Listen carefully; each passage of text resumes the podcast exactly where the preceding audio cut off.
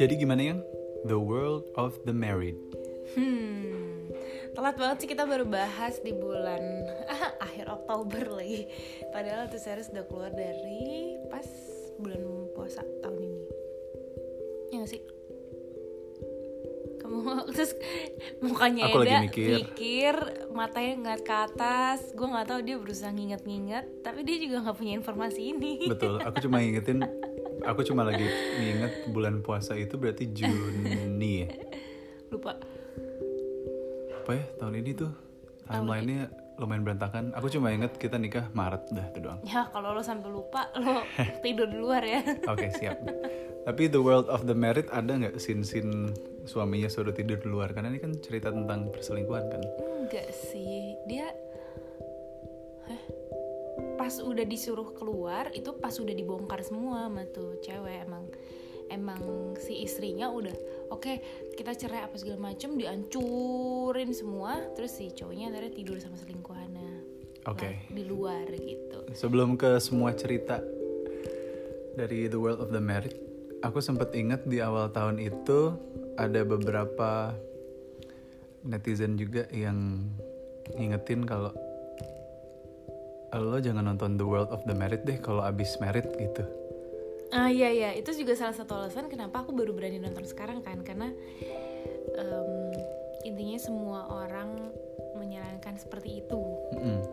Aku baru nyampe episode 7 atau 8 gitu. S- eh, intinya tahap akhirnya di mana mereka cerai karena udah selingkuh gitu. Tapi ternyata itu baru episode 7, Babes. Masih ada 8 episode lagi, berarti ini drama masih akan panjang gitu. Eh, sekarang sih aku tidak mengerti aku tidak mengerti kenapa eh, kenapa waktu itu kita disarankan untuk tidak nonton kalau baru menikah. Mungkin itu ter- akan terjadi di episode 8, 9, 10, 11, 12, 13, 14, 15, 16 Alasannya, alasannya Em, tapi sampai sekarang kayak bener yang kayak kamu bilang ini tuh kayak nonton Gone Girl i- ini semua terjadi karena banyak faktor Mm-mm. banyak hal dan one of them is each of the spouse itu udah nggak fully committed dan udah nggak memberikan yang terbaik dalam hubungan ini. Ya ini ini penjelasan singkat aku yang kemarin sempat kamu ceritain bagus banget. Karena aku kan nggak ngikutin banget kan aku cuman um, passing through nonton Iya. passing through nonton. Tapi kamu sempat ngejelasin kalau ini semuanya adalah domino effect. Jadi suaminya itu merasa punya istri yang perfeksionis sekali. Iya. jadi istrinya adalah breadwinner yang nyari duit dan dominan sekali sehingga cowoknya merasa nggak berguna sebagai suami. Yang di mana itu membuat si suaminya akhirnya mencari selingkuhan karena selingkuhannya ini klingi dan butuh dia. Jadi Dan si cowok ini berasa dibutuhkan dan beda umur. Nah kemudian anaknya ini yang memang konotasinya adalah anak bapaknya karena kan istrinya kerja mulu kan jadi anaknya itu take sides ke bapaknya. Kamu sempat bilang kalau iya anaknya jadi punya mindset kalau mah nggak usah cerai kan ini juga salah lo ibaratnya gitu. Hmm. lo ninggalin papa mulu kerja. Jadi ya udahlah maafin aja si papa gitu. Nah kamu sempat bilang kan wah ini sih main twisting banget sampai akhirnya bisa begitu. Apakah kayak begitu ceritanya so far yang kamu udah tonton? Iya, benar. Itu cerita yang aku tonton dan yang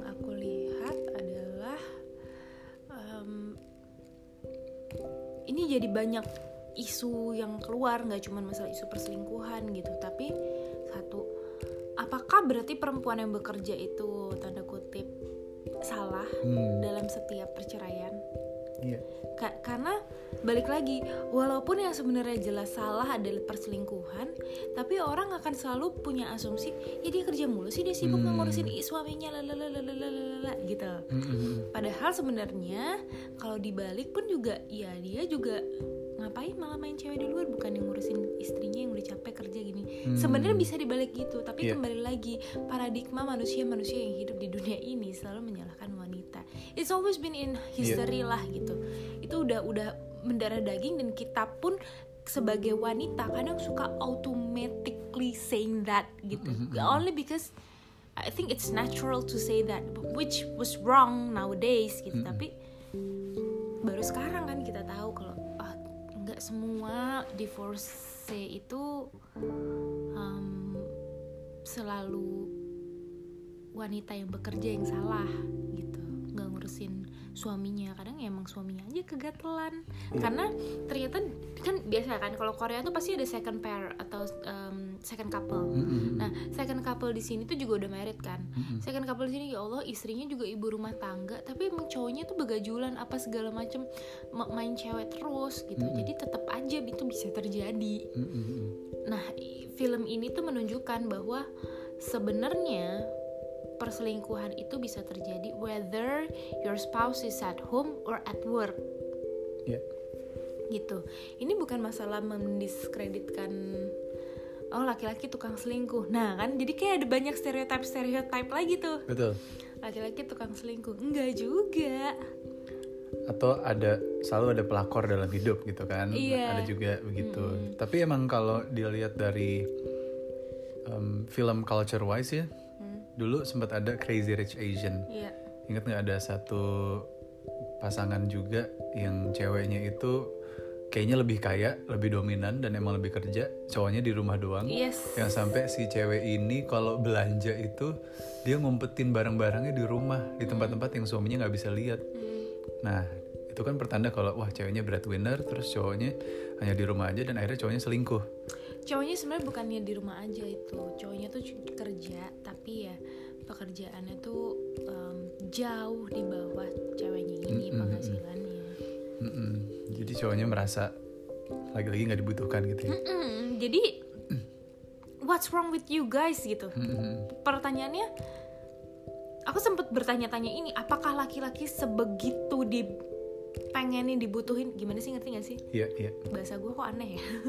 Apakah laki-laki egonya benar-benar harus dipenuhi dengan kita tuh harus clingy ke kalian kita tuh harus um, butuh sama kalian. Tapi setelah aku uh, takes moment to think semua manusia tuh kayak gitu. Iya benar. Nggak laki nggak perempuan. Kita tuh emang senang merasa dibutuhkan. Betul. Even young or older itu senang merasa dibutuhkan. Karena itu membuat kita merasa hidup kita tuh lebih berarti. Iya. Ya gak sih? Setuju. Kayak ketika kita older when young people ask for our advice kita kayak oh dulu tuh gue begini begini begini. And then you feel useful kan to the people to the community to, to your family. Mm-mm. Aku rasa emang manusia pada dasarnya tuh pengen merasa berjasa iya useful or anything your um, terminologi ya Mm-mm. Iya, itu betul banget. Hmm, dan kalau balik lagi ngebahas tentang filmnya, ada satu scene yang aku baru tidur ceritanya. Tentu Indah lagi nonton. Pas aku bangun, aku langsung eh apa nih scene-nya? laundry Kok penting gitu. Hmm. Ada satu scene yang walaupun nontonnya passing through doang, tapi oh bisa ngehook nih, yaitu ketika dan aku langsung tahu oh ini istri oh ini suami. Ketika ibu suaminya meninggal terus suaminya lagi nangis kan di ruang rumah sakit Iya. terus istrinya cuman bisa ngelihat dari luar pintu. Sama seperti dokter-dokter yang cuma ngeliatin dari luar pintu. Terus aku wow ini kayaknya mereka udah nggak deket ya gitu. Hmm, udah distant terus kan aku nanya kamu ini mereka eh, suami istri yang ada masalah atau gimana sih? Terus kamu bilang kan iya ini udah lagi proses mau divorce gitu.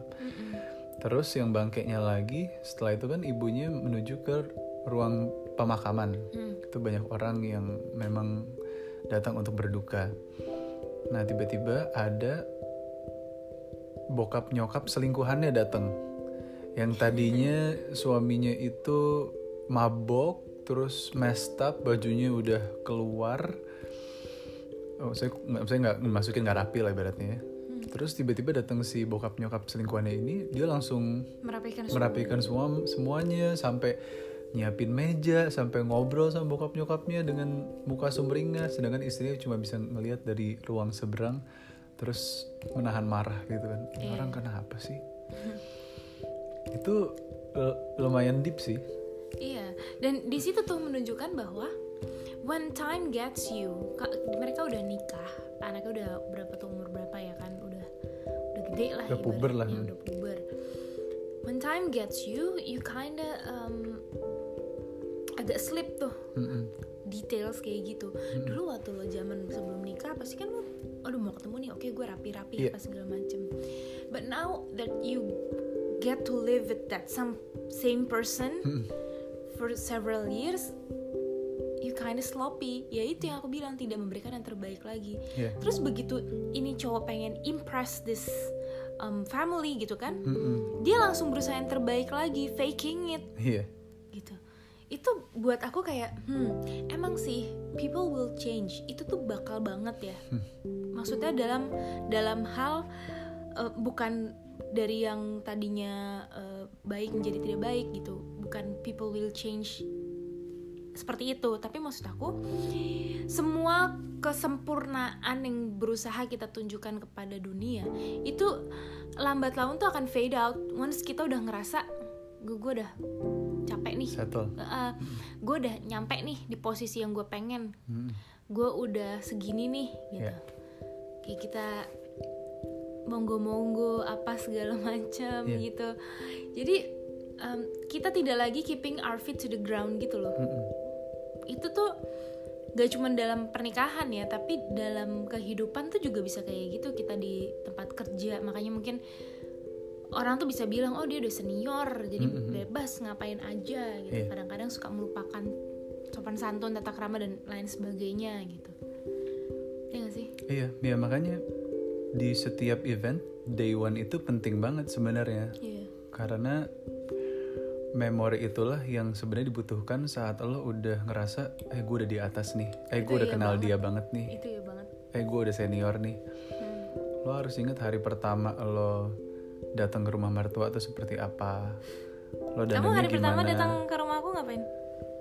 Aku hari pertama datang ke rumah kamu itu malam-malam.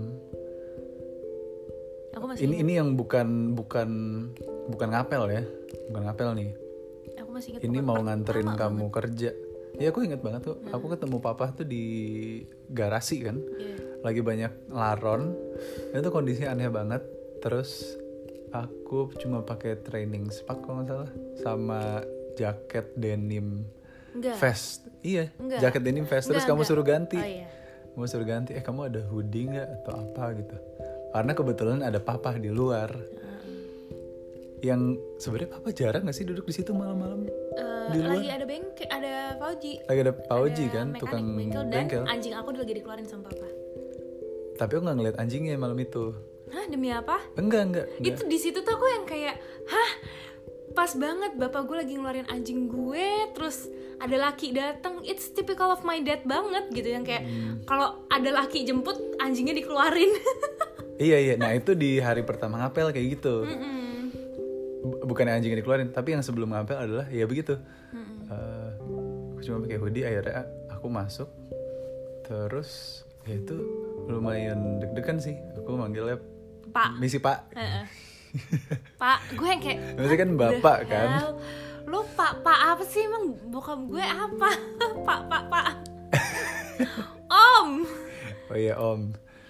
Terus ya awkward aja pasti awkward sih. Pasti awkward. karena papa kan duduk di kan nggak duduk di tempat duduk duduk di ngemper bapak ngemper. iya terus gue yang Duh gue mau duduk di mana?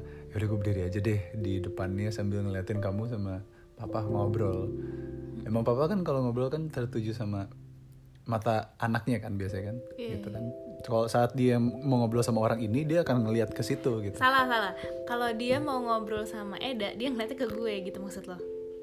Apa sih kadang begitu Ah. tapi yang aku maksud adalah papa kalau udah ngomong eye to eye sama anaknya dia pasti akan ngomong situ terus. Oh iya. Ya kan? Iya iya. misalnya ke kamu ya kamu kalian kalian gitu. Nah itu awkward sama yang pas pertama ngapel itu aku pakai baju ini putih hitam kemeja putih kan Hmm. untuk menandakan kalau hey aku mau ngelamar. Pelan-pelan itu mindsetnya sebenarnya hitam apa apa, apa hubungannya sama lamaran? iya kan kalau ngelamar kerja pakai putih hitam Oh Gitu. gitu. Kebetulan Eda dibully sama eh, keluarga gue bahkan bukan cuma bokap gue pas datang. Kenapa nih udah training Indomaret? Iya. Oh ini mau ke rumah sakit ya? Oh kembar ya papa karena bokap gue kalau ke rumah sakit selalu pakai putih hitam juga. iya Maybe Terus in aku- some way you kinda resembles him gitu ya. Ya, iya, iya, mungkin ya, Hmm. mungkin. Ya terus di hari pertama ngapel itu aku pakai celana skinny ngeband ya, Aduh benci banget. sama sama baju kemeja putih. Pas aku mau masuk tiba-tiba mobil dinas papa yang Avanza angkat apa angkatan laut ya, angkatan laut, ya kan? Itu ada datang terus. eh papa sama supir nggak tahu waktu itu Mas Yanto atau siapa tapi ada anjingnya dikeluarin dari mobil itu. Ya, untungnya aku no, suka anjing ya jadi aku biasa aja gitu Itu lo udah lolos tes penyaringan pertama. anjing ada anjing itu Iya. tapi kan itu papa nggak intentionally do that Tapi kan? that's just God's work karena bapak gue pasti akan ngeluarin anjing kalau misalnya ada laki ke rumah. oh gitu Enggak maksudnya kalau misalnya dia melihat-lihat nih gelagat-gelagat, wah nih udah ada cowok nih mau ke rumah, dikeluarin anjingnya, dites dulu. tapi waktu itu itu share atau siapa ya Nggak tahu lupa. Sh- share kayaknya baru dimandiin jadi pas banget aku Iya, datang itu God's work. Hmm. Itu tuh bap- bapak gue langsung ngetes lo tuh set set set, set gitu. Iya terus ngebel Terus kalau nggak salah papa bilang kan Kamu sempet cerita Tadi papa bilang tuh Udah tuh ada cowokmu tuh di depan gitu. Ba- jadi bapak gue selalu ngomong kayak gitu kalau Gitu ada kan? cowok yang jemput. Mhm. Kan bikin panik ya. Gue kayak eh. Lu harus ngapain. Satu itu. Yang kedua males banget kalau misalnya cowok yang jemput tuh belum belum sebegitu seriusnya. Iya.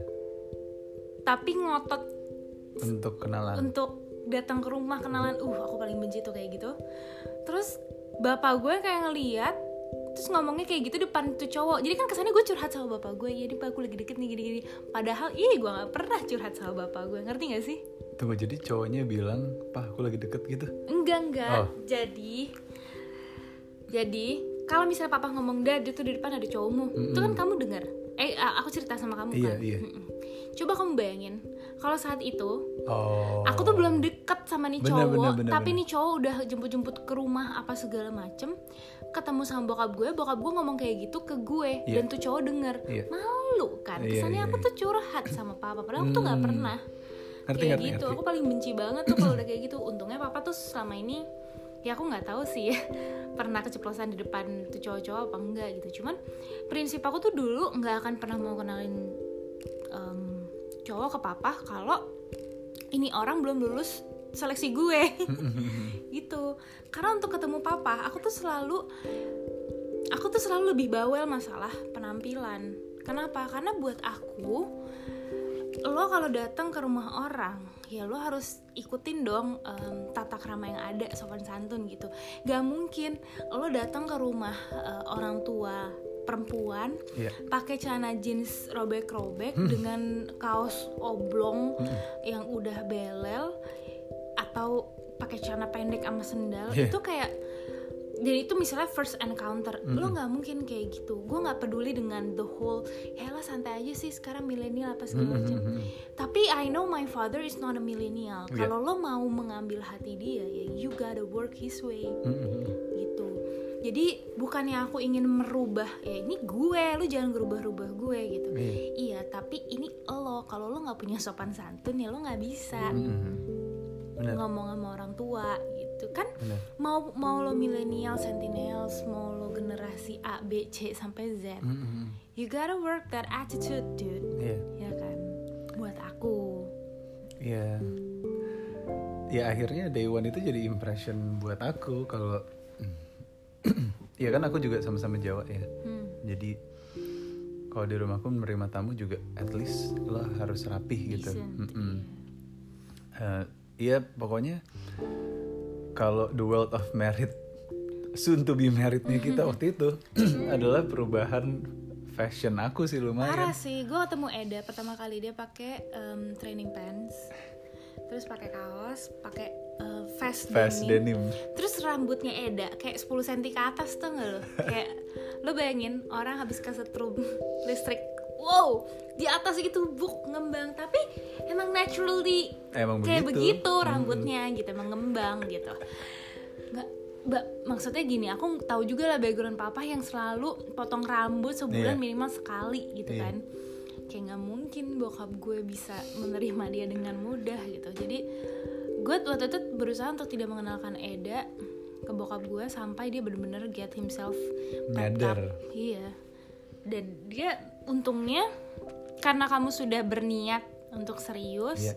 jadi kamu juga oh, tahu nih oke berubah warna warna sebenarnya nggak berubah tetap berubah enggak kamu jadi putih oh enggak tapi maksudnya ya? tadinya kan item-item Iya, iya. jaket denim uh anak band banget gitu tapi ini kayak ya udah nggak apa-apa kita berubah jadi training Indomaret dulu ya demi bisa melamar Iya. anak bapak Tito dan memang emang it's in kalau tadi kamu bilang God's plan gitu Hmm.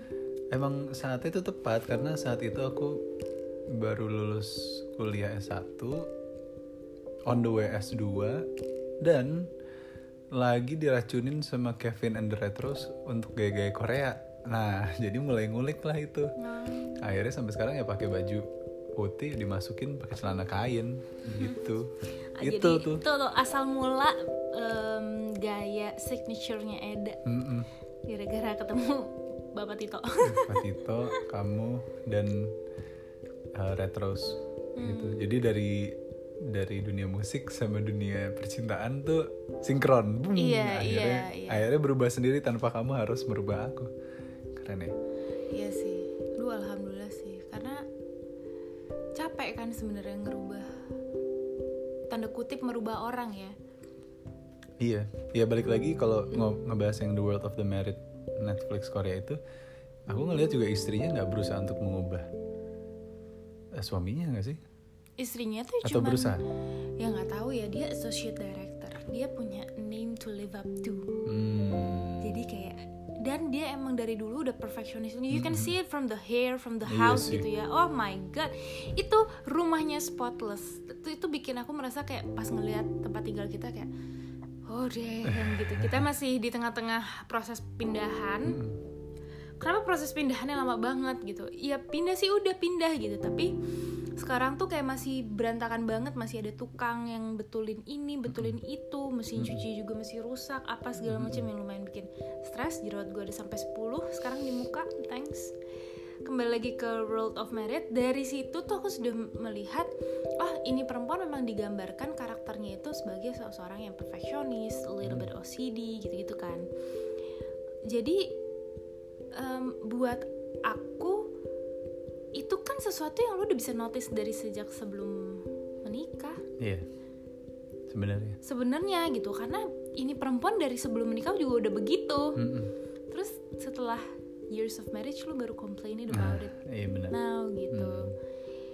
mungkin capek Iya.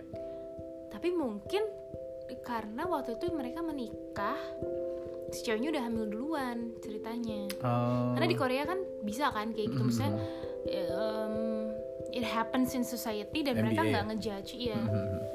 MBA ya udah duluan gitu jadi aku mikir oh maybe they're not ready Mhm. cowoknya cuma menikah karena at that time dia merasa oke gue cinta oh dia udah punya anak gue oke let's get married gitu Hmm.